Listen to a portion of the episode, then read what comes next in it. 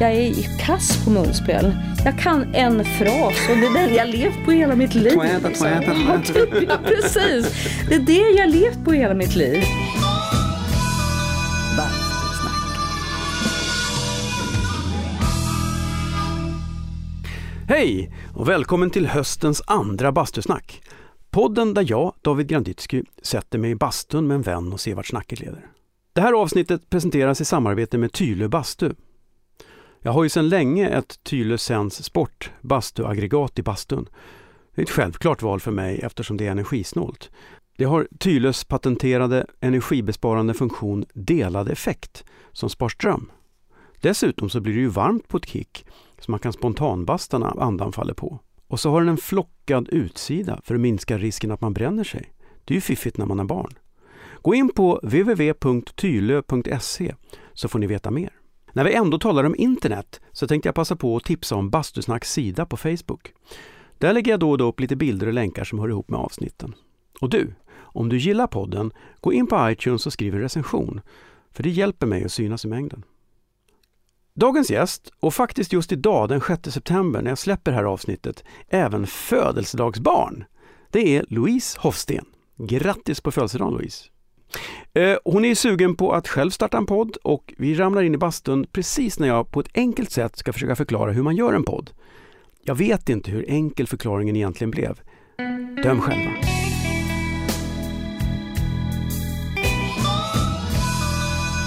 Bastusnack. Podd. Hur startar man en podd?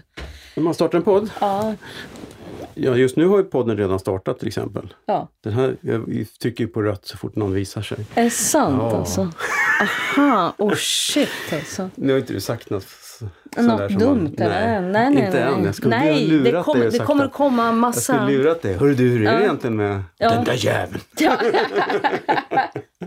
Ja. jag tycker det är så kul. Jag ty- tycker om det här kreativa arbetet och idén sådär. ja. Och jag vet att en kompis från Linköping, en journalist, han tyckte Ja. vi skulle starta en podd. Då. Jaha, okej. En Östgötapodd. Ja. Men vi, kom, ja, vi har inte kommit någonstans. Så jag var bara nyfiken. Nej, det är, men det är inte så svårt. För jag, ska, jag ska äta lunch med någon. Ja. Jag ska äta lunch med någon imorgon. Eller om det var på onsdag. Och, som vill ha tips om hur Ja. gör man podd. Alltså, Ja. hur gör man en podd? Här kommer tipset. Eh, man, man bestämmer sig för någonting, ett ämne. Ja. som Ja, egentligen så kan det ju vara vilket det ämnet som intresserar en själv. För jag tror inte man ska försöka tänka jag ska bli nya Skavlan i poddvärlden. Nej. nej. Utan jag tror man hittar någonting som intresserar en och som man Ja. kanske, man behöver inte nödvändigtvis vara bra på det. Och sen så gör man den podden och Mm. sen så hoppas man, man gör den podden man själv vill lyssna på. Och sen så har man tur så vill någon annan lyssna på den också. Det är lite som med musik. Ja. Men det är väl en bra utgångspunkt. Ja, Ja. och sen rent tekniskt så behöver man egentligen bara en sån här liten inspelningsmanik. Ja. Man behöver inte en sån, man kan spela in på sin dator eller hur man gör. Aha. Eh, jag Men tycker en- den här är lättare för att en dator får ju för sig att hitta på något plötsligt. Mm. Och så den här spelar bara in. Vad, he, vad heter den här? Den här heter Zoom. Så, alltså Zoom? En Zoom. Okej. All right. Och, och så har man ett par mickar. Mm. Eh, man behöver inte nödvändigtvis ha på såna här fina studiomickar. Som Nej, man nej. kan ha vad man Nej, vill. och så pratar man och så, så stoppar man in det i en dator och så klipper Mm. man ner det till ett bra format och Mhm. levererar en mp3. Okej. Och sen så lägger man upp den på eh, någon sajt på nätet som kan skapa, det finns något som kallas för RSS-ström. Okej. Som är en sorts eh, informationsflöde som talar Mm. om för mottagaren att de här programmen finns och här, hej, här kommer ett nytt program också. Mm. Det är någonting som iTunes till exempel Mm. läser. Eh, och då lägger man sig på kanske en sajt som heter Soundcloud där det är gratis Mhm. i början Mm. om man inte har för mycket filer. Och laddar man upp den där och Mhm. Soundcloud genererar själva en sån här RSS-ström. Ja. Och då kan man klippa och klistra ur den här adressen Mhm. till den och sen går man in och anmäler den till iTunes. Okej. Eh, och sen så ska den godkännas av iTunes. Mm. Vilket kan ta en dag eller en vecka. Eller Aha. något. Eh, jag vet inte riktigt vad det är för kriterier men det är tekniska kriterier och det är kanske innehållskriterier. Men har man blivit godkänd en gång så är man inne. Så de, lys- de kollar inte varje utan det Nej. behövs ett godkännande. Okej. Och sen ligger den där och flödar och så dyker den upp på iTunes Mm. och eh, eh, sen kan man ju ha den på sin hemsida eller något. eh, på olika sätt. Så då har Okej. man sin lilla podd. Hmm. Eller så kan man samarbeta med någon sån här eh, podcast. Det finns lite olika. Det finns något som heter Acast. Mhm. Och det finns något annat som heter eh, Radioplay. Mhm. Och de säljer reklam också. Okej. Som då kommer före och efter din podd eller kanske i mitten. Mm. Jag vet inte riktigt vad dealen är. Eller så har du ingen reklam alls och tjänar inga pengar på det. Eller så gör du som, som jag Mm. och har en, en sponsor Mm. som man säljer in. Just nu har jag Tylö bastu. Mhm. I och med att jag sitter i en bastu så tyckte vi Smart. Ja, och Smart. i och med att jag har ett bastuaggregat från Tylö bastu som jag är väldigt nöjd med så Ja. har jag heller inget problem med det. Nej, det är bra. Nej. Det är bra. Eh, och det, det är heller det är varken politiskt inkorrekt eller politiskt korrekt. Så det sitter aldrig någon här som känner att de inte kan stå för Tylö bastu. För det är inte riktigt det vi pratar Precis, om. exakt. Har de satt sig här så är de liksom med på Ja. idén. Exakt. Eh, Jag tycker det är en sån bra idé. Och jag är så glad att jag får lite inblick i det här podd, podderiet Ja, så att säga. ja. Så jag tack snälla du för all information. men jag tror du kommer skulle vara en säkert... bra poddare. Tror du det? Ja, du jag är skulle- jag tror- intelligent och du kan prata. Ibland förstår man inte vad du säger. Nej, det är klart. Det är svårt. Det är svårt. Lite, och jag menar om jag skulle göra en podd ihop med min östgötska Ja, kompis, då, det då hade det varit knepigt alltså. Men, men vi får ruva på det där. Ruva på den idén. Vad skulle den heta? Så Den skulle heta... Vad, skulle- vad, ni hade Podden. Någon, podden, den hade ett namn. Podden. Jag vet inte vad den skulle heta. Ja, det skulle vara någon, någon östgötanknytning i alla fall. Ja. Skulle ni prata då på grovt östgötska? Så, Ja, det här är också någonting vi måste diskutera. roligt. Ja, förmodligen kommer vi halka in på det. Men, ja, men som sagt, det blir väldigt så här intimt nördigt. Liksom. Det kommer bara vara östgötar som är liksom... Ja, vi, får, Ja, vi får se. ja. Vi får se. Men jag, ska, jag vill bara få lite så här teknisk... Mm. eh, Men eller det här är ju då ett scoop. För första gången presenterar Louise Hofsten sin nya podd. Podden, ja. Podden. Ja, ja. Ni kommer inte att få reda på vad den handlar om idag och Mm. inte riktigt när den kommer att sändas heller. Nej. Men den, den kanske kommer och det är helt, det är ingen som vet först Nej. nu. Vad härligt. Bastusnack. Kommer du ihåg första gången vi träffades? Ja. Det gör det. Jag vet inte dagen, men jag vet sammanhanget Ja. när vi träffades. Ja. Och det var när vi skulle börja jobba med Lovers and Covers.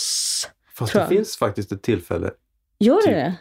typ tio år tidigare. Är det sant? Ja, nej, då kommer jag inte ihåg. Nu låter det här jättebra, men det var på ett hotell i Alvik. Hotell i Alvik. Ja, inte på samma rum dock.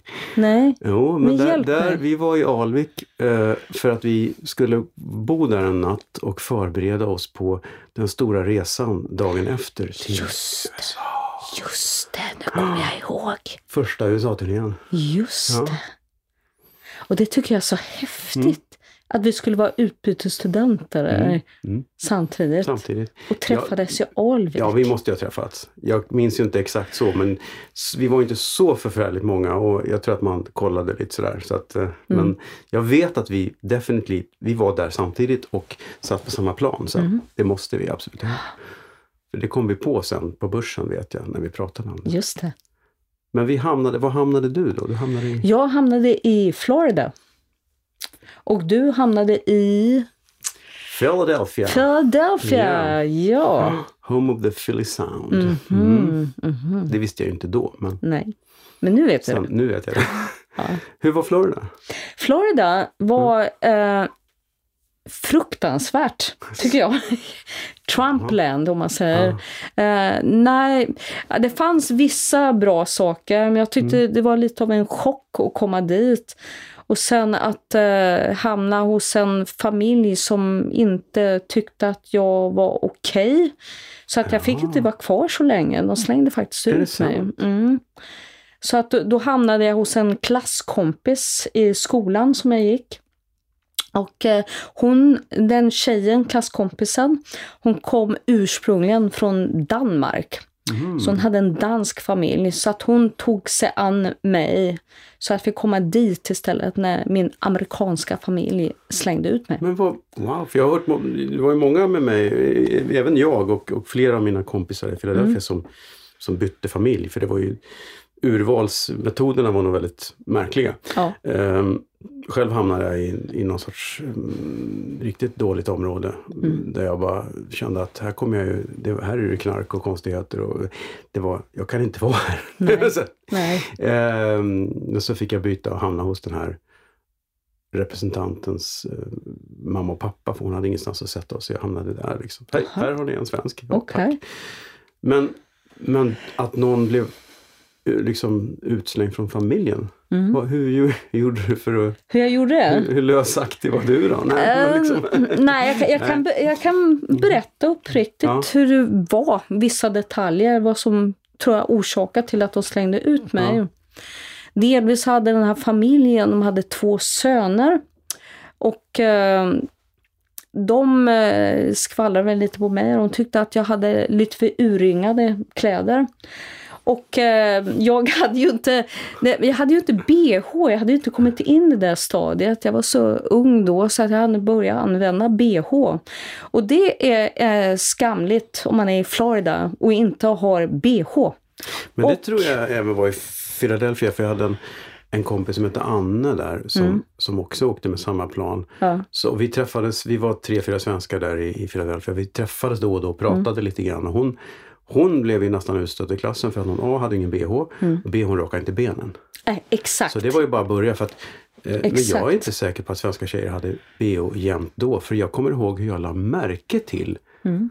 som 16-åring att alla tjejer hade bh. Mm. Och i och med att jag tänkte på det så kanske det inte var så hemma. Nej. Det är bara det att jag inte tänkte på det hemma. Men där var det så här, oj, oj alla har bh. Ja. Ja, Så skulle det vara. ja, Man skulle vara. raka benen, man skulle ha bh. Men det var helt nytt för mig då. Mm.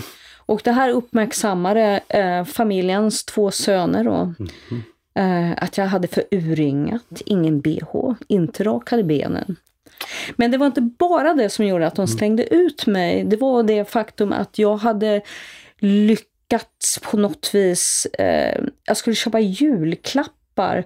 Och då hade jag lyckats ändå köpa sånt som man inte skulle handla, det vill säga öl. Öl, stark öl. Och eh, så vill jag faktiskt... Det är ju en klassisk julklapp. Ja, jag tänkte att det var liksom, du kommer från en musikerfamilj va? Nej, men jag tyckte det skulle vara en jättebra julklapp. Va? Och trevligt att ge bort lite öl i inslaget. Men grejen är att min familj hade faktiskt öppnat mina paket och såg att jag hade köpt öl. Och det Aha. var droppen. Så de slängde ut mig. Ja, för du var en syndig... Mm. Mycket synd. Och sen så vet jag att familjen kommenterade också de ämnena jag hade valt att studera i den Ja. engelska skolan. Eh, Jag tänkte ju att jag ville ju passa på att göra sånt som jag tyckte var roligt. Ja. Eh, som jag, jag menar, jag gick med i kören, eh, jag gick med i bandet, eh, The Marching Band, Mm. gick med i teatergruppen. Mm. Eh, det tyckte jag var jätteroligt. Jag gjorde Och- precis samma sak. Ja. Gjorde du Ja, också ja, det? ja. Nej, men jag såg det som en chans att få klart. utforska det som man egentligen innerst inne brann för. Jag menar, eh, allt andra som man, man gör i, på gymnasiet Mm. i Sverige, det, det var inte så lockande för mig just då. Men det var så kul då, för jag tyckte att den amerikanska skolan då var det var saker som var dåliga, saker som var bra. Men det som var bra gentemot den svenska skolan Mm. var just det här att man, man kunde plocka ämnen lite här och där. Just det. Äh, Jag var intresserad av foto. Ja, men jag tar foto på fredagar. Precis. Jag tar det och det. Här var man, här skulle man gå någon linje och det var, "Bip, nu var det så här. Är du Precis. humanistisk så kör du det här. Då får du fan inte läsa det och det. Nej, Mm. här kunde man göra. Och så var det alla aktiviteter. På, på morgonen klockan sju var det repetitioner Ja. med, med, med bandet Ja. eller något sånt där. Och alla var där. Mm. Och plugget slutade två, men det var ingen som gick hem för alla hade 75 aktiviteter till. Precis, exakt. Och det tyckte jag var fantastiskt. Ja. Sen att de inte lärde sig någonting på lektionerna eftersom alla prov var typ som Stryktipset. Ja. Det är liksom, vad hette Amerikas första president? Ja. George Washington, eh, Bill McKay, eller liksom. Abraham Lincoln. Nej, inte ens det. Men det var, Nej. för mig var det jättelätt att få bra betyg för att jag kommer inte alltid ihåg saker men om jag har tre alternativ och ett är rätt, då minns jag det. Ja. Men det, är det kunskap? Mm. Ja. I don't know. Det var ju vissa ämnen vi var tvungna att plugga, som till exempel amerikansk historia, Mm. Ja. American history och Men det var ju kul att ha engelska. gjort, jo, det är klart. Ja. Det är klart Ja. alltså. Det är Jumpa var man jätteroligt. tvungen att ha också. Ja, Ja. Men det var väl det. Och health. Hälsa, precis, exakt.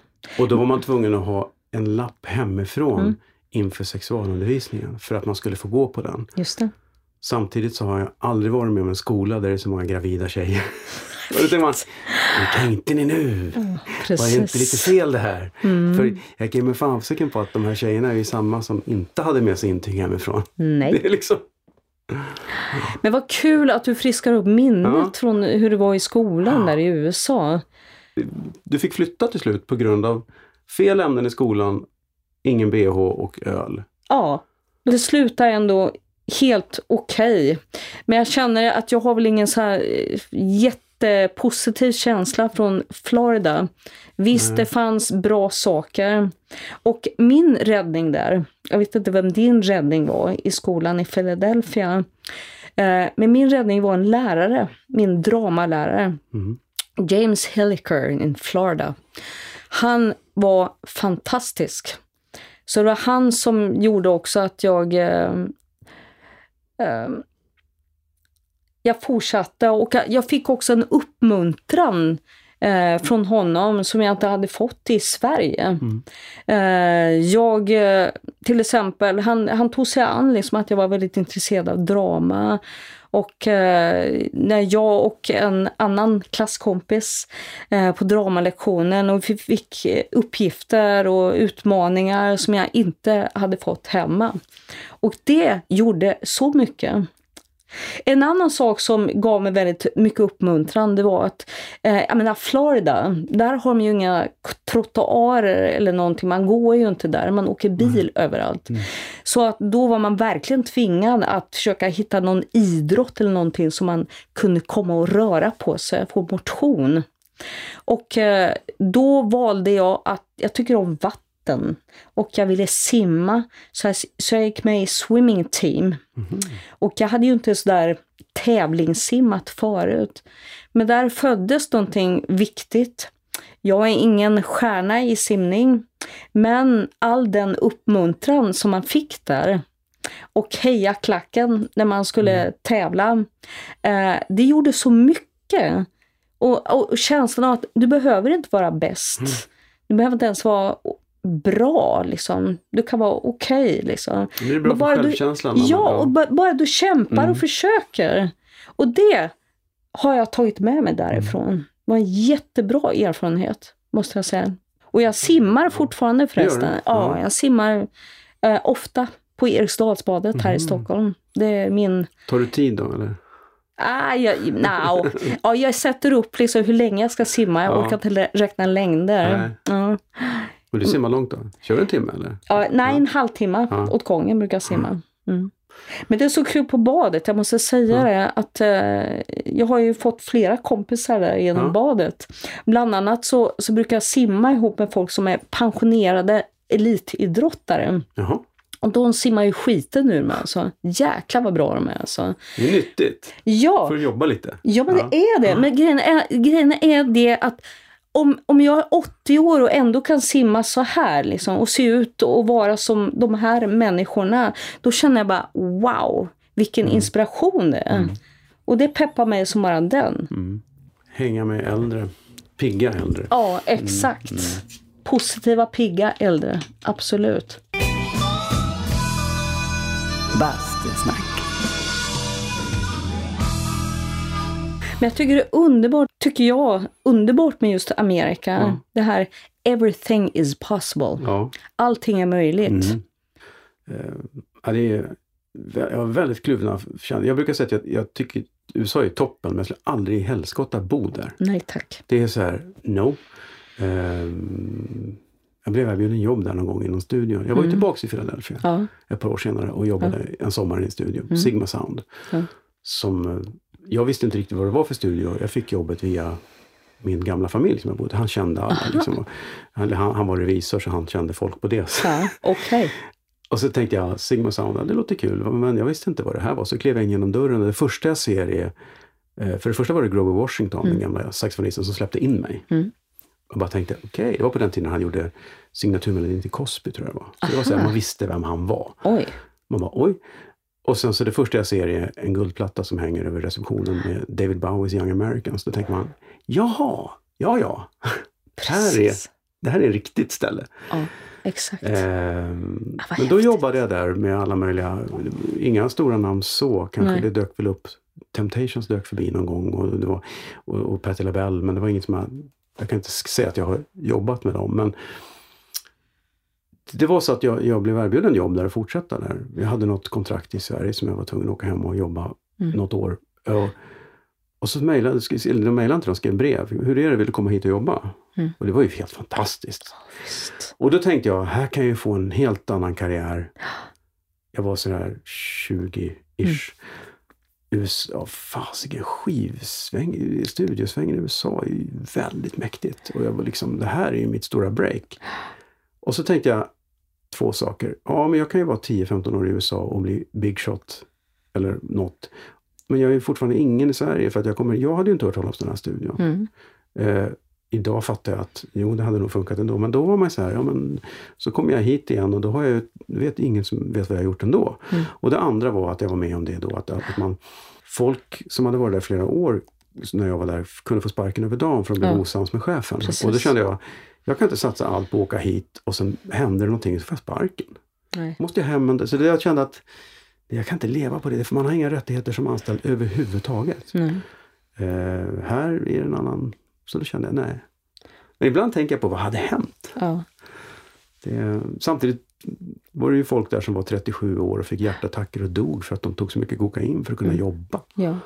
De hade inte ens Ja, det är helt kul. sjukt. Ja, de, det är ju var sjukt. Inte, det är inte så här, åh det är fest nu, knarkar vi lite, utan Mm. nej men jag ska jobba 12 timmar, jag måste ha lite kokain för att kunna vara skärpt. Herregud. Och det var så här, ja de blev ju skärpta på det de gjorde men man kunde släppa en atombomb bakom ryggen på dem utan att Precis. de märker något. Nej. Och det var jag alltid varit så här, drog, nej, inget kul, droger, bort. Så att det var, Har du aldrig knarkat då? Nej. Du som jobbar på börsen. Du Nej. måste ju ha fått massa erbjudanden. ja, det är ju så knarkhak det där. ja. Nej, faktiskt inte. Jag mm, har aldrig gjort Men det måste det, ju ha varit frågan. Liksom. Ja, Va? det hör ihop med att jag blev lite anti när jag var så här, tonåren. Mm. När, när folk rökte hasch och blev dumma i huvudet. Mm. Permanent. Som jag upplevde det och fick nojor. Då kände jag det här är inget kul. Jag tänkte om jag tar ett glas vin så är det borta imorgon. Eh, men det, alla droger stoppar man i sig så vet man inte. Jag dömer inte andra men, men, men jag har inte sett några positiva effekter av det direkt. Nej. Du då?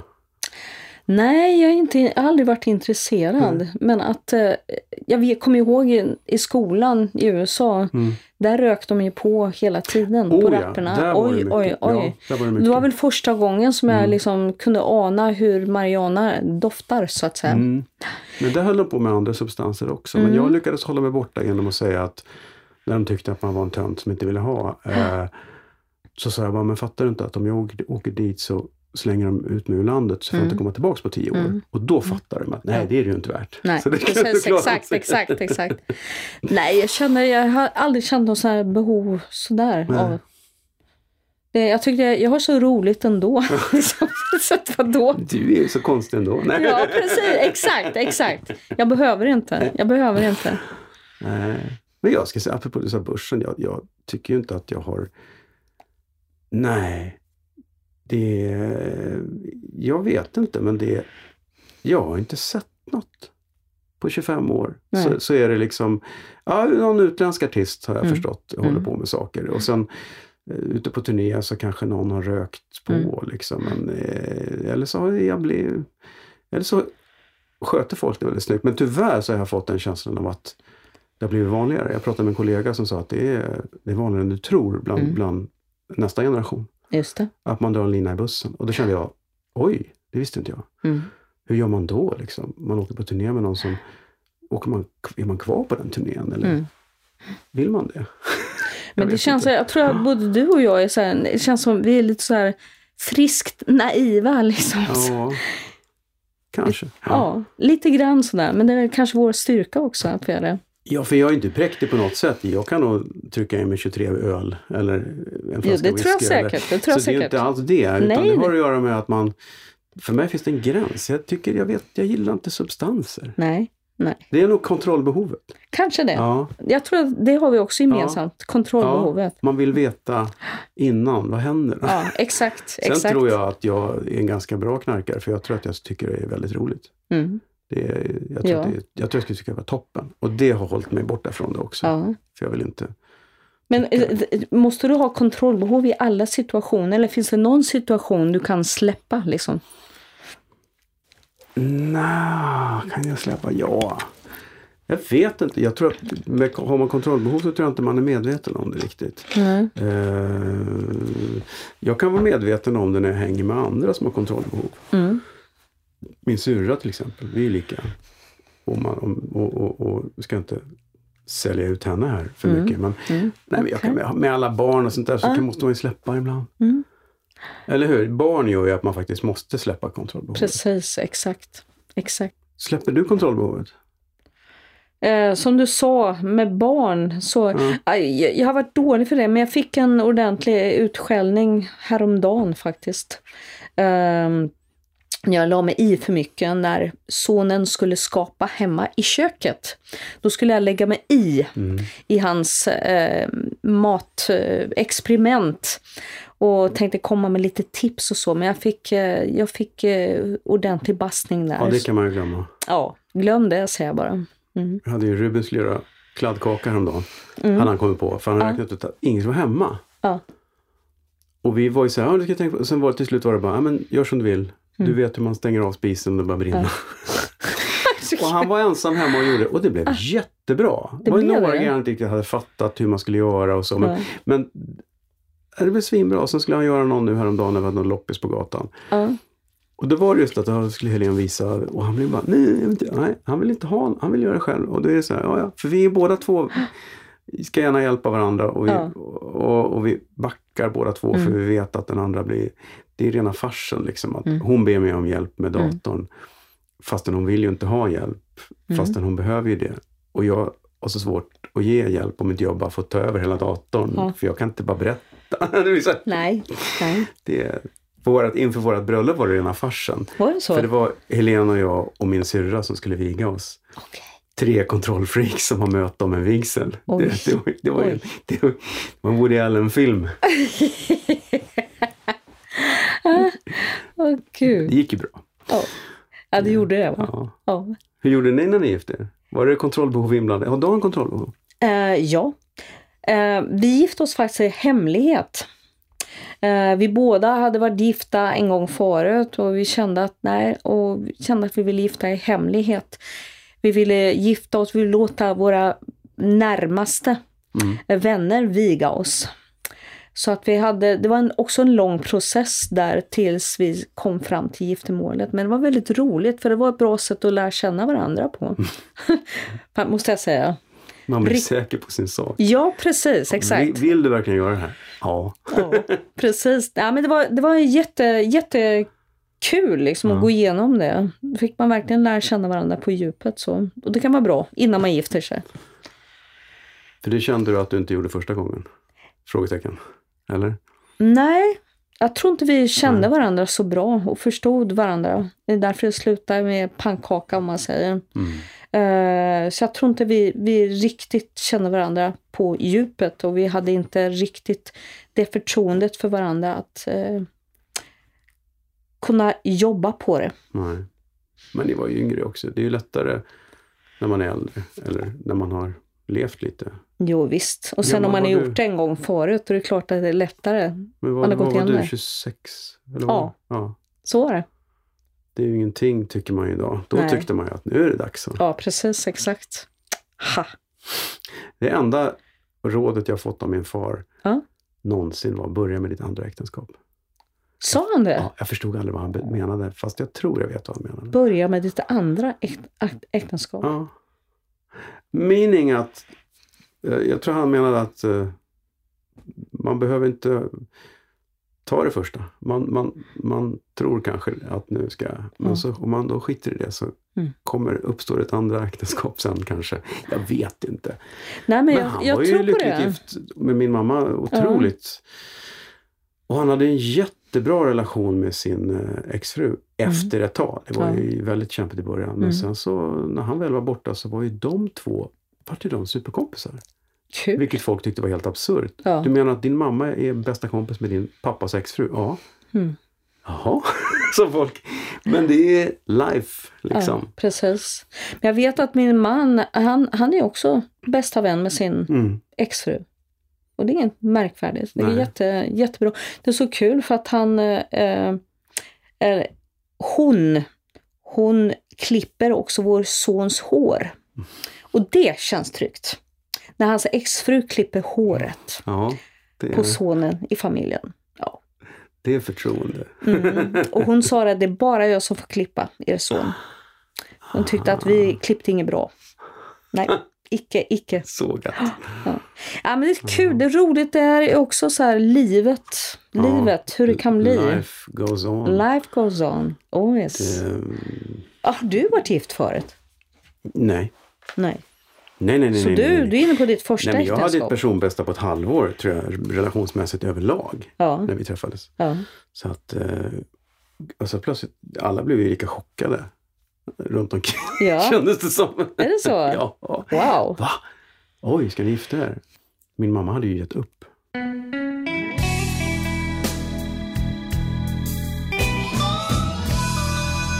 Bastusnack. Det finns två tjejer som sjunger blues på ett sätt som är så jävla fint. För att det är en svärta och en liten glimt i ögat förhoppning samtidigt. En glädje mitt i, i det mörka. Och det är du och Monica Z. Och sen av en slump, eller ja, igår, så, så bara för, för, för formens skull så kollade jag upp dig på Wikipedia. Mm. Och där står det att du är influerad, Monica Z är en av dina stora förebilder. Ja. Det hade jag ingen aning om. Men Visste du inte det? Nej, men det är ju det är plötsligt fullständigt självklart. För ni har den här... Det finns, det är så fantastiskt va? För det finns den här, jag kan inte kalla det för glädjefyllda sorgen. Men jag fin- finner Ja, men det är inget, fint. Ja, men jag tycker att det är annat fint. ord för det. Fint. Men har du haft det där eller har du, tror du att du har färgats av henne eller har du det där ändå?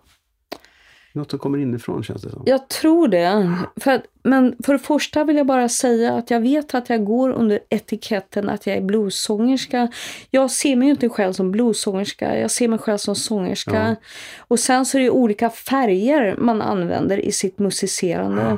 Och det är klart att min kärlek för bluesen och det blå och imperfekta är ju någonting som, jag, eh, som tilltalar mig. Men när du nämner Monica Zetterlund. Som ju inte heller var uttalad bluessångerska. Nej, Nej. det var hon inte. Just nu fick hon vara det, men ja. Ja. ja. Men eh, jag har ju faktiskt träffat henne och sjungit ihop med henne. Och jag, är- Det är också en av milstolparna i mitt liv. Jag kommer ihåg när vi skulle spela in ett tv-program för att hylla Evert Taube när han fyllde 100 år, tror jag. Och då skulle det spelas in eh, tv och det var en mängd olika artister. Eh, jag skulle bland annat eh, sjunga med Allan Edwall, bara en sån sak det också. Det är check, stort. check. Ja, ja. wow. Ja. Jag sjöng med honom och jag dansade med honom. Och satt i logen och pratade munspel med honom. Och det kommer jag aldrig glömma. Det var ett fantastiskt möte måste jag säga. munspel, det är klart han gjorde Jajamän, det. Ja, han på munspel. Ja, just det. Ja. Men producenten, Mm. eh, som också, Monica Zetterlund ska vara med också i det här programmet. Han ville på något vis, han hade en känning av att vi hade en del gemensamt, Monica och jag. Så att han ville tuta ihop oss. Och jag kommer ihåg att eh, jag kommer ihåg att när jag blev för till hennes loge så var det ungefär som man skulle gå in i Beatles loge och hälsa på bandet där. Jag bröt ihop. Jag bröt ihop. Jag började storgråta och tårarna bara forsade. Och Monica, denna varma, fantastiska människa, hon är så underbar och hon, hon bara tog hand om mig. Hon bara kramade om mig. Jag fick sitta hos henne och hon höll om mig. Hon sa att snälla, det, hon försökte lugna mig. Liksom. Hon förstod ju att jag hade brutit ihop. Jag hade sett, eh, inte för att hon säger att hon hade sett mig, men att hon förstod att det var ett stort ögonblick för mig. Eh, Så det var också en sån här stund i livet som jag aldrig kommer glömma. Hur gammal var du då? När var det här? Hur, hur gammal kan jag ha varit? Kan jag ha varit eh, 20, 20, 20 Det var och 80 någonting. 80-talet någon gång? Ja, någon gång då. Mm. Och så det här gråta i Monikas knä och dansa med Allan Edwall och sjunga med honom. Och det var så härligt för jag sjöng, jag skulle göra, eh, mm, åh, vad heter den, Taube-sången vi skulle göra tillsammans. Men det är en rad, textrad i alla fall som jag kommer ihåg när jag skulle sjunga det. Då, då var min period, jag skulle alltid ha kort, kort på mig. Jag hade en kort läderklänning eh, när jag skulle sjunga och dansa med Allan Edwall. Och så är det en rad i sången som vi skulle göra. Har du märkt att min klänning är lång? Och då höll jag på att bryta ihop. Det var helt sjukt alltså. Det var den, mest den kortaste klänning du kan föreställa dig. Så jag kunde inte sjunga den frasen inför Allan Edwall. Har du märkt att min klänning är lång? Nej. Nej. Nej. Ja, men det var underbart. Underbart i alla fall att få vara med om det. Jag är Finns det jätteglad. inspelat? Det är inspelat. Det Du kan hitta på- det. Mm. Är det- Var, var det SVT alltså? SVT. Det borde finnas öppet arkiv kanske? Jajamän. Åh, vad härligt. Jajamän. Kan gå in där. Och, 200 år eller något. jajamän. Ja, ja, men kan det gå in och, och jag vet att eh, Lisa, Lisa Nilsson var med också. Mhm. Jag tror det var en av de första programmen. Eh, Ja. Inte första, hon hade gjort något tidigare. Men Hon att, måste ju varit så här 17. ja, hon var skitbra kommer jag Ja. ihåg. Alltså. Hon gjorde en låt som var jättebra där i programmet. Så det var jättekul. Mm. Första mötet med Lisa, första mötet med Monica, första mötet med Allan Edward. Det är tungt. Vilken grej. Mm. Ja, det är häftigt. Fan, Men jag är så glad för att jag har ju Ja. liksom eh, att vara old school Mm. liksom och komma från en, en tid då man faktiskt spelade in skivor fortfarande, till och med vinylplattor.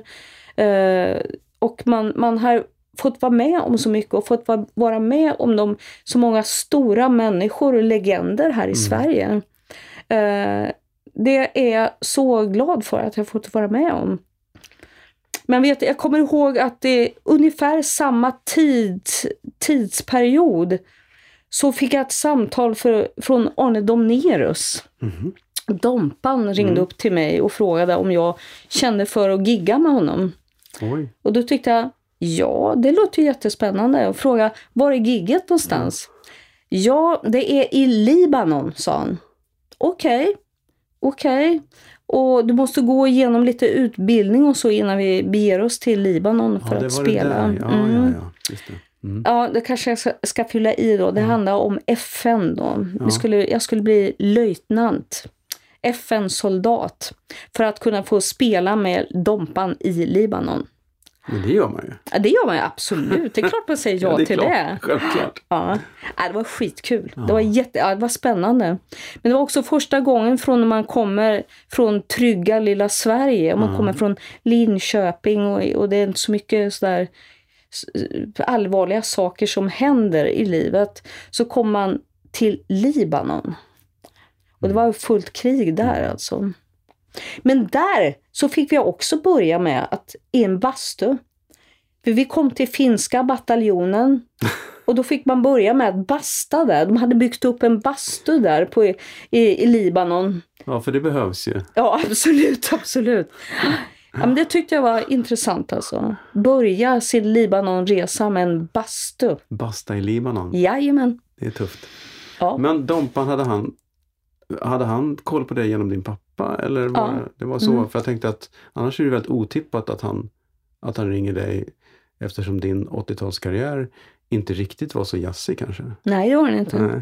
Nej, jag tror det var genom pappa eh, som han kände till. Mm. Ja, på något vis fick kontakt med mig. Och sen så hade han också bjudit in mig att sjunga på Skansen eh, vid något tillfälle. Mhm. Och vi kände väl att det klickade, om man säger. Skönt. Det fungerade väldigt bra. Men du sjunger lika gärna storbandsjazz som eller, eller Ja. kanske inte var, eller var det storbandsjazz? Nej, det, var, inte konstigt. storband. Storbandsjazz känns lite, men Dompan är ju lite mer Nej, men det var en sån här tradd... tradd. Ja, ja. precis. Och sen så kände jag att det var också fortsättning att ta an också det som pappa hade lärt mig, det jag Mm. vuxit upp med. Uh, I och med att han kommer ju mer från, ja, evergreens och tradjazzhållet. Eh, Så det var väl så som Dompan vet. För han vet ju att pappa, pappa och hans band, han hade ju vunnit en dans, eller en eh, orkestertävling då på Nalen. Mm. eh, För ett visst antal år tidigare. Jobbar du med din farsa någonting? Ja, det gjorde jag. Gjorde du? Ja, det gjorde jag. Det gjorde jag. Jag brukar säga, jag har ju inte gått i musikskolan. Eh, Det är klart att pappa hade eh, önskat att jag hade lyssnat på pianoläraren och lärt mig spela efter noter. Men det blev ju inte så. Det blev inte så. Eh, Och jag kände att jag hade inte riktigt samma musikaliska smak som min pianolärarinna. Nej. Du har ju fortfarande inte lärt dig noter? Nej, jag har inte Och det här är det jag ångrar mest av allt i mitt liv. Jag har inte lärt mig det. Utan när pianolärarinnan gav mig en, en läxa så gick jag hem till pappa och eh, bad honom att spela läxan. Och så lärde jag mig det via gehör då, att spela. Men noter lärde jag mig inte. För jag fick inte ihop det Nej. med musik. Det, Jag är, fick så- men inte det där det. är en sån grej som är, det är jättetråkigt att traggla in. Ja. Men det är ju så bra när det finns. För det är det? underlättar ju. Det är jobbigt, men jag tycker Ja. själv så här, jag hade önskat att jag hade verkligen lärt mig Ja. eh, noter och lärt mig och få, fått eh, eh, lära mig saker inom musiken. Det hade varit så mycket lättare. Mm. Men eh, nu är det ju för sent. nu är det för sent. Eller är Nej, det för sent? det Jag inte. vet inte. Det är klart inte Men är. Men jag det går så inte- fruktansvärt mycket trögare att lära sig något. när Ja, det är så. Jag vet det inte, plötsligt så har det så. hänt något när man inte förstår. Mm. Det är, och jag tittar på barnen som bara vä, vä, vä, vä, vä, lär sig grejer Ja. skitsnabbt. Framförallt musikaliskt. Mm. Det är, oj, vad fort det går. Jag blir så här, Ja. uh, avundsjuk på det. Ja. Så till alla våra unga lyssnare kan vi Mm. säga, lär er noter. Lyssna på läraren. Ja. Bastusnack. Vi kanske ska förklara vem din pappa var för att folk ska förstå, för de som Mm. inte vet det. Mm, det är väl bra. Ehm, ja, det kan du göra själv. Du är Ja. bättre på det. Min pappa Ja. eh, heter, eller hette, heter vill jag säga, Gunnar Hofsten. Han var eh, musiker, han spelade piano, han spelade trumpet, eh, han komponerade, han har skrivit en rad sånger. Eh, hans mest kända låt som han har skrivit eh, är I Confess, eller Utan dig som den heter på svenska, som senare blev I Confess, som också blev en inspelad utav Perry Como som var en stor amerikansk artist och Sarah Vaughan. Och det vet jag att pappa var väldigt stolt över. Det är stort. Ja. Men många andra och många svenska. Men nu senast så är det faktiskt en eh, stor gigant, svensk gigant som har spelat in Utan dig. Och det är Björn Skifs. Nej men surre. Ja, han har gjort en jättefin version. Ja, så han, han fortsätter att generera deg. Ja, så är det. Nej, men det är kul. Men pappa gjorde ju mycket annat också förutom att vara musiker och kompositör. Han, äh, jag kommer ihåg att han jobbade också för Östgöta Correspondenten i Linköping och mm, recensera musik. Eh, recensera konserter. Så att jag vet att jag fick eh, följa med pappa ibland när han skulle recensera konserter. Och faktum är att pappa var också döv på ena örat. Och så var han halvdöv på andra örat. Så därför var det väldigt intressant att han ändå lyckades höra saker och ting. Jag förstår inte hur han bar sig åt. Och det är samma när vi skulle spela tillsammans. Hur lyckades vi spela ihop när han inte hör så bra? Men på något vis så hade vi samma typ av timing. Och den där, d- hans timing, det har jag fått med mig i musiken. Inte medvetet. Jag tror det bara funnits i vällingen eller någonting som han gav mig som Men liten. det där med timing upplever man bland olika musikanter och, och sångare. Det är något som är där. Mm. Den känslan man kan ha, framförallt märker det såklart på trumslagare, om man har Mm. någon, någon, någon, någon vikarie ibland. Mm. Så spelar de ju rätt fast det är inte rätt. Mm. Eller det är bättre eller sämre. Eller, Ja. Och det går sällan att liksom förklara. Mm. Vad är det här då? Mm. Det var, det, rekordet var någon gång när vi... Jag, jag hade jobbat med någon show där det var Det var mycket på klick. Mm. Och så var det en annan trummis. Mm. Och jag var tvungen att fråga, har ni sänkt tempot i de här låtarna? Mm. Nej, det är samma klick. Men det låter ju långsammare. Mm. För att den ena killen spelade väldigt på och den andra var väldigt efter. Men de följde samma klick. Mm. Men det skilde så mycket så att det kändes som att det var olika tempon. Det var Ja. helt fantastiskt. Ja. Det, men det är även sångare har ju det där också. Man kan Ja. inte riktigt ta på det. Nej, En del går inte att härma. nej. Så jag tror nog att du har ärvt det också. Jag tror på inte, jag på, vet på inte hur något vis, indirekt Ja. tror, jag, tror jag säkert. För jag märker ju också, jag är ju ingen, folk säger åh du spelar munspel, babba, så bra. Mm. Jag är kass på munspel. Jag kan en fras och det är den jag levt på hela mitt liv. Tväta, liksom. Ja, typ, ja, precis. Det är det jag levt på hela mitt liv. Men jag har också kommit på att när det gäller solo, när man ska sol. Jag tänker också, jag tror jag har hämtat mycket på när pappa spelar trumpet Mm. Eh, den fraseringen han hade då. Jag tror att det också, eh, jag fick med det i vällingen också. Mhm. Mm.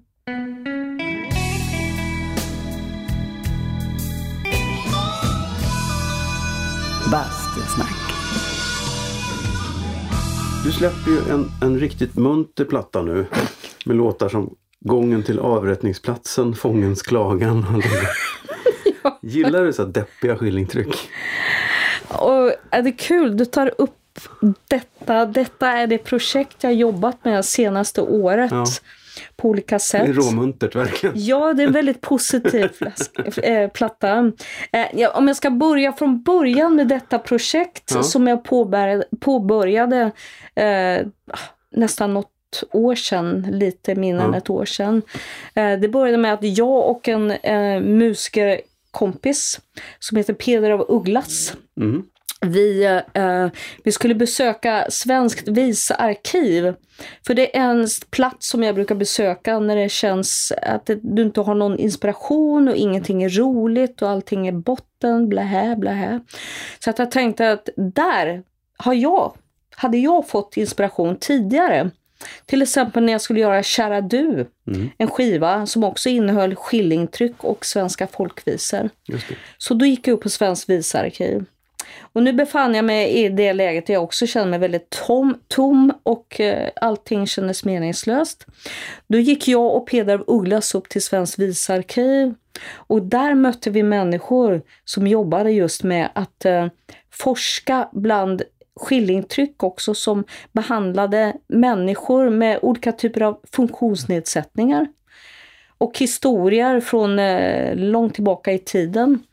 Eh, så att då hamnade vi där och träffade, fick möjlighet att träffa och prata med de här människorna och eh, få en liten inblick i deras forskningsprojekt. Och då tyckte, tyckte vi att det var så spännande och jag kände att är det, om man ska titta på svensk blues, då är det här man ska titta. Här ska man titta. Och jag tyckte det var jättespännande. Men ändå, det här var visor som var skrivna för så länge sedan och som ändå kändes väldigt aktuellt. Vi frågade om det fanns eh, någon musik till dessa texter. Eh, Det fanns dåligt med musik till och då frågade vi om vi fick göra lite egen musik i skillingtryck-stil. Eh, Så vi ansökte om, om eh, från konstnärsnämnden att få ekonomi i det hela, att, att jobba med detta.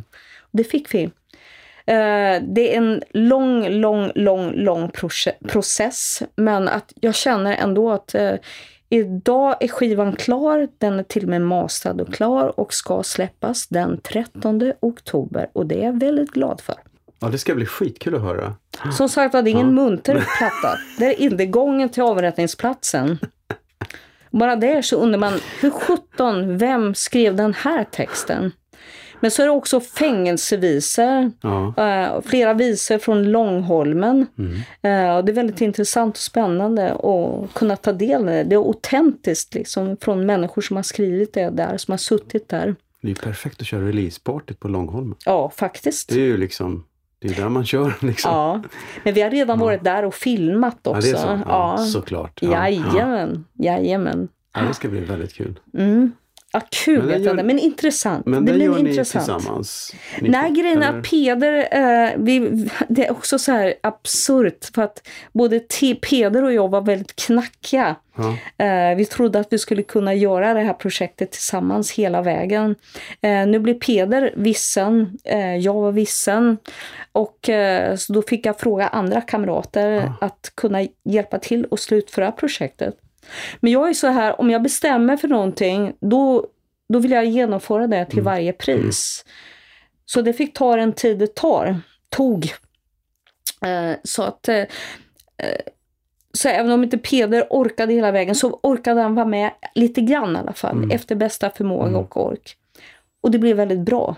Så jag fick också fråga en annan kollega, eh, Lasse Englund, som Wow. jag jobbade med, Kära du.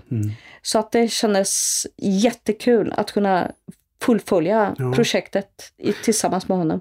Men Lasse, nu ska vi se, när gjorde du Kära du? Kära du, nu kommer inte jag ihåg vilket årtal det var. Men det var det 2000-tal? Eller var Ja, 2000, Nej, inte 2000. 90. Ja, För, för 90-tal någon gång. kände du, för Lasse, första gången jag träffade Lasse, det var Ja. också när vi jobbade ihop första gången, när vi gjorde just det, vi kom in på två sekunder före Lovers and Covers Ja, på. Börsen. Just det. 92 tror jag det var. Just det. Eh, och då var Ma- Marie Bergman med. Och Mhm. då kom ju Lasse Eng- Englund som, som ett på köpet. Ja. Även om han inte var inblandad i produktionen så, Mm. så lärde man känna honom. Det var en helt underbar människa. Men ja, det. Hade du någon relation till honom innan? Kände du Marie och Lasse eller, eller var det då ni träffades? Eh, Faktum är, eh, nu får jag gå ännu längre tillbaka i Ja. tiden. Jag kommer ihåg Säg inte att de satt på samma plan till USA. också. nej, nej, nej, nej. Jag träffade faktiskt Marie Bergman första gången när jag var jätteliten. Jaha. Det var så här att min mamma, hon eh, var sömmerska och hade ateljé. Och hon sydde kläder till eh, olika tillställningar, evenemang eller Ja. grupper.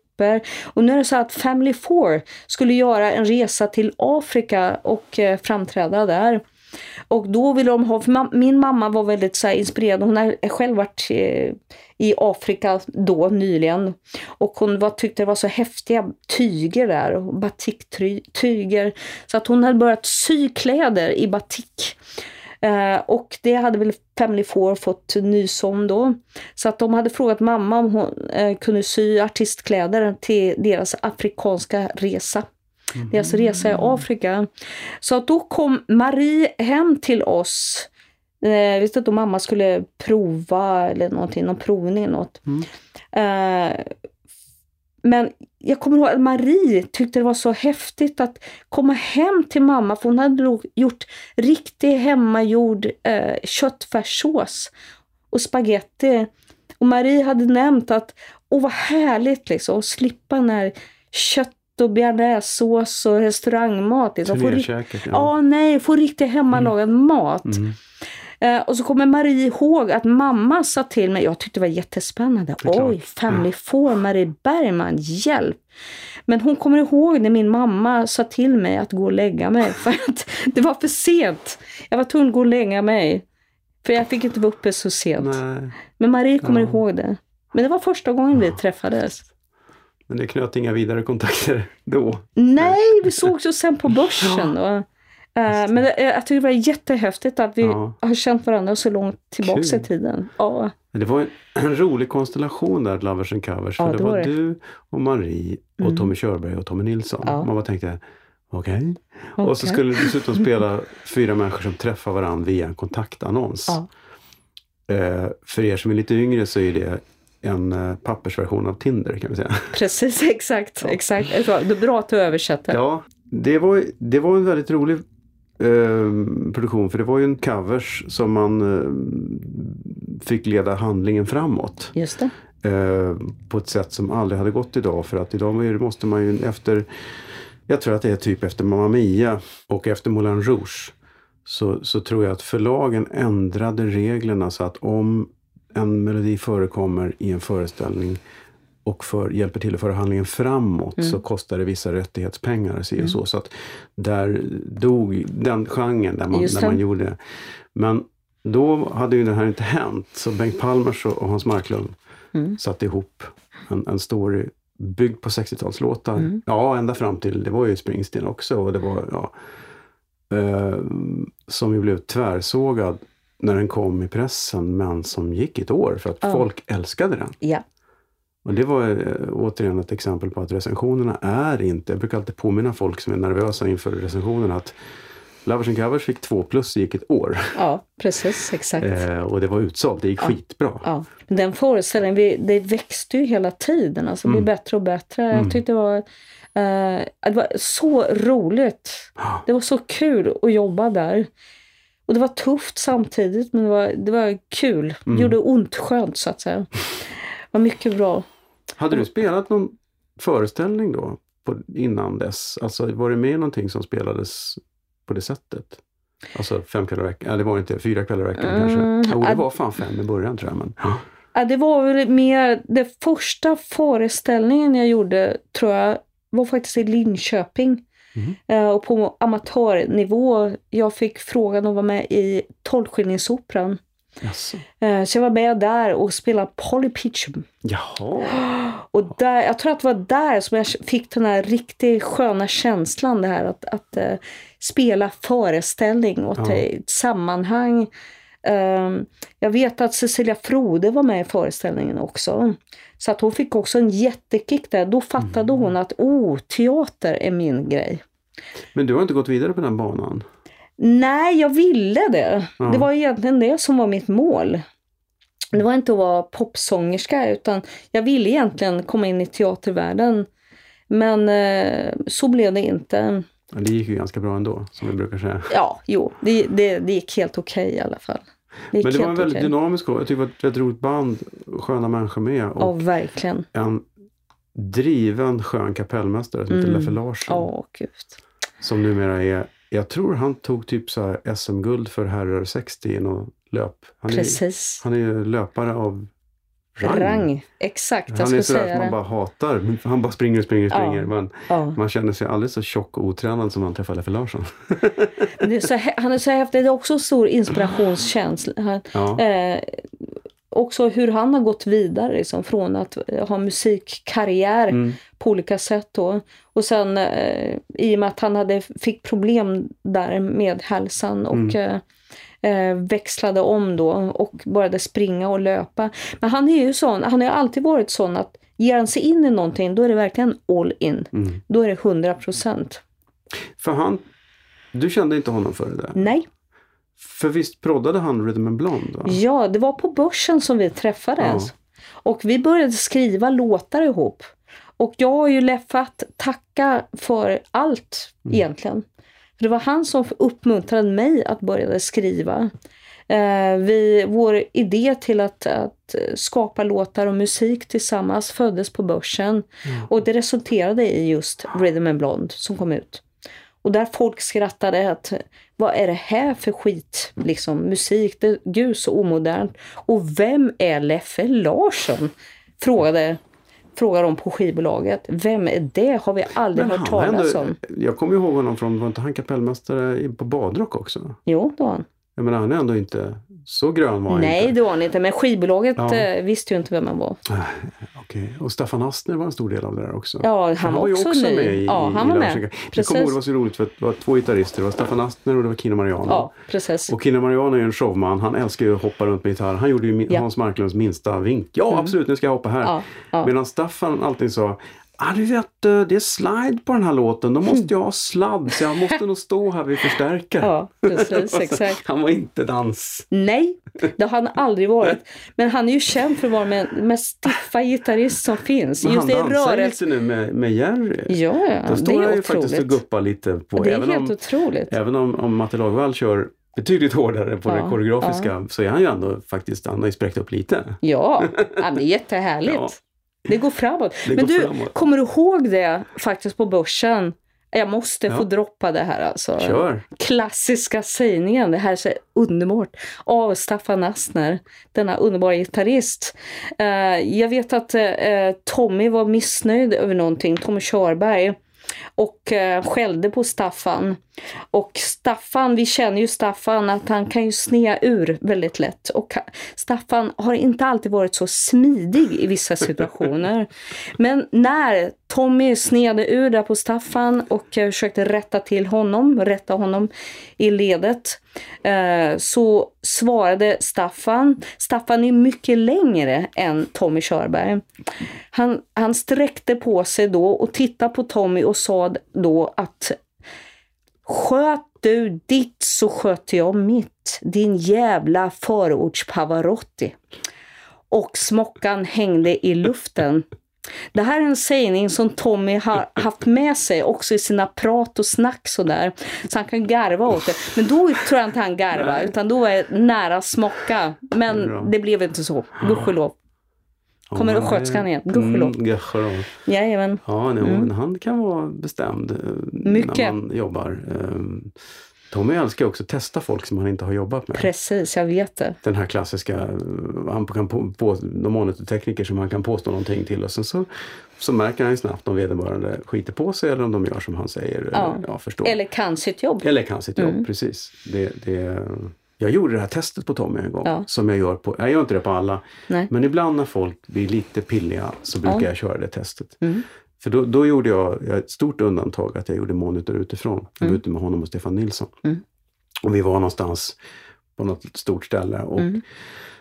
och han tjatade om någonting i lyssningen. Han ville ha lite mer, kan du göra lite mer? Och jag var till slut så mm, ja. Och, och sen så gjorde jag den här klassiska att han, ja men kan du bara höja en, en, en doft bara lite grann? Ja. Ja, säger jag och viftar med handen över bordet Ja. och rör ingenting. Nej, nej, jag hör ingenting. Ta lite till. Mm. Och då nuddade jag botten ner lite. Och så, ja, jättebra. Och då tänkte jag, okej, för då hade jag gjort det tillbaks. Mm. För då kände jag, ja men han hör faktiskt skillnaden. Okej, respekt. Då Ja. går jag på det. För Ja. att ofta är ju sånt där så mycket psykologi och nerver och sånt. Jo, precis, exakt. Men, men eh, och, och det, är, det är inget problem. Utan Mm. allting som gör att det är lättare att arbeta att det blir bättre, Ja. det är jag med på. Men Mm. ibland blir det lite för mycket. Ja, Och då precis. tröttnar man. Exakt, exakt. Eh, Det går nog åt båda hållen. Jo, jo. Det, Men jag vet att jobba, det var tufft att jobba med Tommy. Jag, jag kommer ihåg att eh, han kunde ju säga och göra saker som man kände att man eh, blev darrig, skakig. Sådär, kände att, oh, att man inte är värd någonting.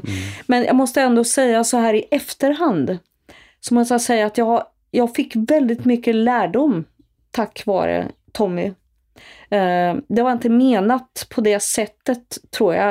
Eh, men jag, jag tyckte jag lärde mig väldigt mycket och också hans professionalism. Om man Ja. säger. Och det tyckte jag var väldigt inspirerande. För jag var ju fortfarande väldigt amatörig om man säger på den tiden. Så jag fick, det var också en bra skola att gå i. jo, men jag tyckte, jag har all respekt för honom, men han är ju väldigt kunnig. Och, Ja, gud, och ja. eh, när man väl kan honom så är, han ju, så är det inga problem. Det var så roligt för att alla fyra tyckte att det var kul och det, var, det låter så bra och så mycket cred för ljudet här och det är så Mm. roligt. Och, och, Mm. eh, Tommy sa egentligen ingenting. Nej. Men, var, men, men du och Marie och, och, och Tommy Nilsson sa, åh fan kul och roligt. Och sen så skulle alla fyra ut på turné den sommaren. Mm. Och jag tänkte, fan kul, kul. Mm. Och du sa ingenting om något och Thomas Nilsson sa ingenting och Marie, nähä. Däremot så ringer plötsligt någon, eh, så ringer Göran Hanser och säger, du Tommy Körberg undrar om du kan åka med honom och Stefan Nilsson i sommar. Man Ja. bara, han har inte sagt ett ord. Nej. Jag är inte alls bitter för att jag inte fick åka med dig. Varför? Jag vet inte. Jag vet inte vad fan som fick den turnén egentligen. Gud, jag kommer inte ihåg här. Det var- Hjälp. Det var väl typ Rhythm and Blonde-turnén också. Det var Ja. Lilling och... Ja, precis, Ja, exakt. kunde man ha gjort. Fick man inte. Ja, nej. Men inte än, inte än. Är Vår tid kommer, Ja, det är David. är. Vår tid kommer. Det är coolt. Absolut. Du kanske vill komma ut och spela eh, Ratta fångens klagan Lätt. eller gången till avrättningsplatsen. Lätt. Det är kanske där Absolut. vår tid är. Ödesmäckad, ödesmättade reverb som Ja, aldrig tar precis. slut. Exakt. Ah. Bastusnack. Vi pratade om, om, om uh, deppiga saker och eh, vägen till avrättningsplatsen. Mm. Du var ju med i en produktion som heter 27 Club. Just det, just det. eh, som jag tyckte var jävligt bra. Jag såg ju den Du såg den? Jag såg den innan ni gjorde om den. Okej, med Eh, Inde. Just det, precis. Mm. Det var ju en intressant produktion att vara med i kan jag tänka mig med tanke på alla personligheter som var med i Ja. den. ja, det var det. Det var det. Det, Men jag tyckte det var otroligt i och med att eh, det gjordes ju om sen. Ja. ju, eh, men jag tyckte ändå att eh, eh, producenten eh, Göran eh, så hans vision om 27 Club mm, eh, från början när vi gjorde det där det blev ju inte riktigt så som han hade tänkt. Det var väldigt Nej. lite musik från början och eh, det handlade om andra saker. Så att jag tyckte ändå att det var bra att vi tog tillbaka den ursprungliga tanken med det och att det blev mer musik. Och jag tycker att det är också, jag tycker det är så roligt med, eller roligt, härligt med människor och deras visioner också när man ändå eh, ser till att, att eh, göra det. Mm. Att kunna göra det. Men det var ju också en, en samling människor som eh, det var helt absurt alltså. Eh, de människorna som var Det är med. modigt att ens komma på idén och knyta, sätta ihop det gänget. Ja, gud och ja. tänka sig att de ska kunna arbeta och göra dubbla föreställningar. Precis, exakt. Eh, Och sen bara det för att då eh, Freddy Wadling var med. mm. Eh, och eh, jag visste ju att eh, det eh, kan bli hur som helst. Apropå substans, substanser som vi pratade om förut. Ja. Absolut, Ja. absolut. Men hur som helst, eh, jag har ju inte jobbat med Freddy Nej. förut. Jag har eh, anlitat honom eh, och var med på Rhythm and Blonde, så att han är med på ett par spår där. Där han sjunger och rappar eller läser. Eh, utan det var ju den erfarenheten jag, jag hade då. Mm. Eh, men att, att jobba med en hel föreställning, det var, eh, ja, det var kul. Och också det, det speciellt också när saker och ting är så trasigt att ändå få ihop det. Mm. Repetitionsperioden måste ha varit tjorvig, eller gick det bra? Eh, repetitionsperioden gick... Den hade kunnat gå smidigare om man säger, om jag uttrycker det så. Mm. Men oavsett, även om det var tjorvigt och trasigt, eh, jag bara säger det, mitt främsta minne från den här produktionen var när Freddy Warning öppnade käften och sjöng. Det var bara som man baxnade, alltså oj, oj, oj, vilken röst! Och jag har ju inte tänkt på honom rent röstmässigt, men att det var en upplevelse att eh, jobba med honom där. Jo men det var helt fantastiskt. Men vad jag minns så satt han ju bara ner Ja, han på gjorde någon det. tron Ja, det gjorde han. och bara var helt fantastisk. Ja, det var han. Vilken sångare han var. Ja. Han Vilken hade ju en- sångare. En karisma som var så skör, så grov och hård Mm. och så skör Ja. samtidigt. Det var, ja, det var jättehäftigt. Jag har sett honom live några gånger. Det var, Mm. Varje gång så var det en helt otrolig upplevelse. Ja. ja, men det är det. Ehm, Man vet inte vad det blir. Men han kunde ju både vara en, en djävul och en ängel på samma gång. Mm. Och, eh, men han hade ett fantastiskt hjärta. Mm. Jag kommer ihåg för att jag, eh, när vi spelade där, det var samma period som min pappa gick bort. Jaha. Så jag hamnade i stor sorg där. Mm. Och jag kommer ihåg hur Freddy, eh, han tröstade mig där.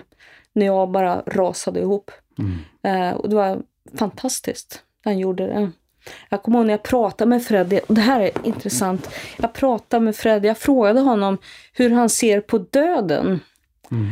Eh, och då svarade Freddy att eh, jag är väldigt nyfiken, sa han. Och det där är en kommentar som jag, jag kommer ihåg. Mm. Kommer alltid komma ihåg. Jag är nyfiken. Man känner att, åh, vilket intressant förhållningssätt att se på döden. Det är inte, han bara säger att han är nyfiken.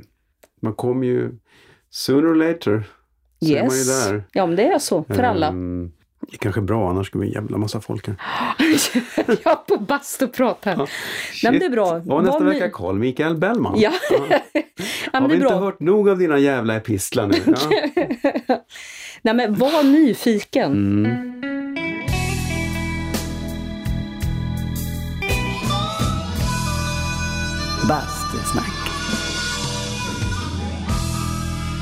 Men du, när du inte spelar, Ja. sjunger, när det inte är musik Mm. och simmar och så. Är- Är du som alla vi andra som håller på med sånt där, att du inte har någon hobby? Eller har du någon sån hemlig? Nej, det stämmer faktiskt. Jag har ingen. Det, du knupplar inte eller målar glas eller nej? Eller Jo, målar du? Det gör du va? Nej, tyvärr inte. Jag har en Nej. storebror som är konstnär. Han är fantastisk musiker och konstnär. Man måste ju inte vara konstnär. Jag tänkte mer du kanske har någon meningslös, någonting som inte ens är konstnärligt. Någon kanske Mm. sån, du samlar kanske på kapsyler eller? s- Nej. Nej, det gör jag Nej. inte. Men jag vet att när jag var yngre så tyckte jag ändå om att hålla på med händerna. Och det var innan mobiltelefontiden. När man sitter och knappar på mobilen och facebookar och så. Då tyckte jag om att vara sysselsatt med händerna i form av eh, broderi eller virka. Mhm. Och jag kommer ihåg när jag spelade in, när jag började spela in musik i studion. Eh, och alla dessa gitarrsolon och det kände jag bara, "Ah, hjälp alltså. Då för att kunna eh, orka med det. Du vet att Staffan Astner är just riktigt arg. Ja. Han är arg jämt. ja. Men jag vet att du Staffan, du kommer förlåta mig. Jag vet. Men hur som helst, alltid när någon skulle spela in gitarrsolo, inte alltid, ibland, så kunde jag sitta och brodera under tiden. Men jag kommer ihåg att eh, de gitarristerna som jag jobbade med då, under min knypplingstid eller, eller virkningstid, broderitid, då kunde jag få en utskällning i studion. Och gitarristerna kunde säga, vad i helskotta, jag kan inte spela gitarrsolo om du håller på och broderar under tiden. Liksom. Så jag fick lägga ner den verksamheten. Det har blivit dags för Skämskudden. Herregud vad pinsamt. Skämskudden.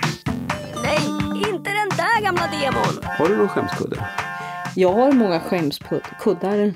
Men, jo, jo, men det, det har jag ju liksom. Men jag vet inte om jag har eh, paketerat dem djupt ner i någon låda någonstans. Så jag har inte med mig någonting jag kan spela upp. Nej. Jag har bara liksom saker jag har varit med om i mitt liv som jag tycker är lite pinsamma faktiskt. Som var balla när de väl hände men sen så kanske man... Ja, Ja. jag vet inte ens om de var balla när det hände. Men jag kan ju berätta om en grej som hände i Linköping. ja. Och det här var under perioden när jag precis hade börjat turnera och spela. Och eh, du vet ju att man blir aldrig profet i sin egen hemstad.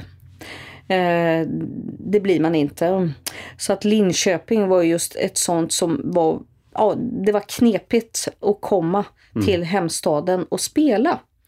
Och det var precis i början av karriären när saker och ting började komma igång. Eh, det här var en gratiskonsert på Stora torget i Linköping. Eh, och när det är gratis, det är populärt. Då Såklart. hade det kommit så mycket människor till konserten när jag skulle spela där.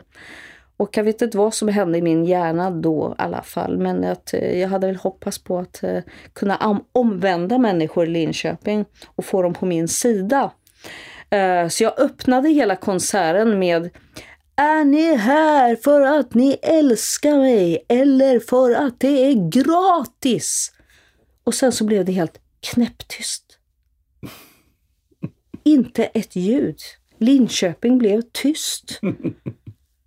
Och ja, men det här är en grej som har cirkulerat. Folk pratar om det än idag. Det är svårt att säga skoja bara. Nej, precis. Det gick inte. Det gick inte. Och jag hade ju så hoppats på att hon skulle säga eller så. Vi älskar dig Louise. Liksom. Men glöm det alltså. Nu finns det i alla fall en del människor som förstod att det var med glimten i ögat när jag Ja, sa det. ja. Men det där vara sarkastisk på scen, det är... Framförallt på en stor scen Ja, när inte folk ser ansiktsuttrycket Ja, riktigt. precis. Vad Ja, det är fan så sa dumt. hon? Ja. Vi går hem. va? Ja, exakt. Ja, ja. Men jag hoppas att Linköping kan eh, acceptera mig nu. Det har de nog gjort. Jag Jag hoppas tror de är det. stolta. Jag Du hoppas det. kanske får en staty eller en gata någon gång också. Jag har en buss. Har du en buss? Ja, jag har en buss. Både jag och pappa hade, har varsin buss. Ah. Det stod våra namn på. Har du den... åkt med den? Ja, det har jag.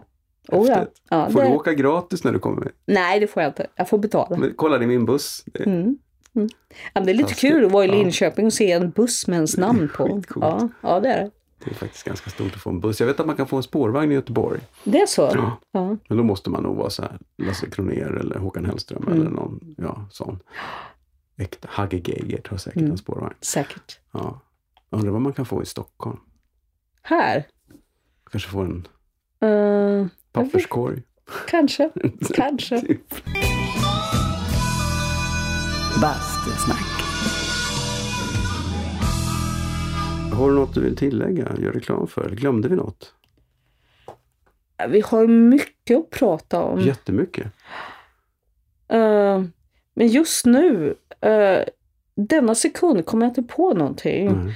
Men jag tycker att det, det finns en fortsättning. Det Det finns, finns en for- vi kanske gör en del två. Ja, faktiskt. Där vi går in på de här, du berättade för mig i en paus här att din pappa var med i en sekt. Det kan vi ju ta sen. Just det kan vi göra. Mm. Absolut. Mm. Den kan ni tänka på så länge. Mhm. Men eh, vi går in i bastun tycker jag och sen så kastar vi oss i sjön. Ja, och det låter Mm. helt perfekt. Nice. Ja. Ja, Ja. Tack och förlåt, vad trevligt att ha dig här Louise. tack snälla. Tack för att jag fick komma hit. Tack så hemskt mycket. Bastusnack. Ja, som ni hörde har vi mycket att tala om. Vi pratade faktiskt så länge att jag har nog klippt bort en timme för att det inte skulle bli för långt. En rolig grej är att vi bland annat talade om SKAP. Det är en något märklig förkortning av Sveriges kompositörer och textförfattare. Men det hade jag glömt när vi snackade och jag frågade inte Louise heller. Så efteråt så googlade jag på det och då kom jag in på någon sajt som heter synonymer.se. Där finns en helt annan betydelse av SKAP. Kolla själva säger jag bara. Sen har jag varit inne på SVTs Öppet arkiv och letat efter programmet Tåb 100 år som vi snackade om. Men jag kan inte hitta det. Om någon vet så får ni gärna skriva till bastusnacket bastusnack.se och berätta så kan jag lägga ut länken på Facebook. Sen vill jag tacka Tylö som är huvudsponsor i detta avsnitt också. Om ni vill ha en lika bra bastuupplevelse som jag och mina gäster har, gå in på www.tylö.se och hitta den bastu som passar just dig. De har jättemånga bra varianter. Vi hörs igen om en vecka med en ny spännande gäst. Basta försiktigt!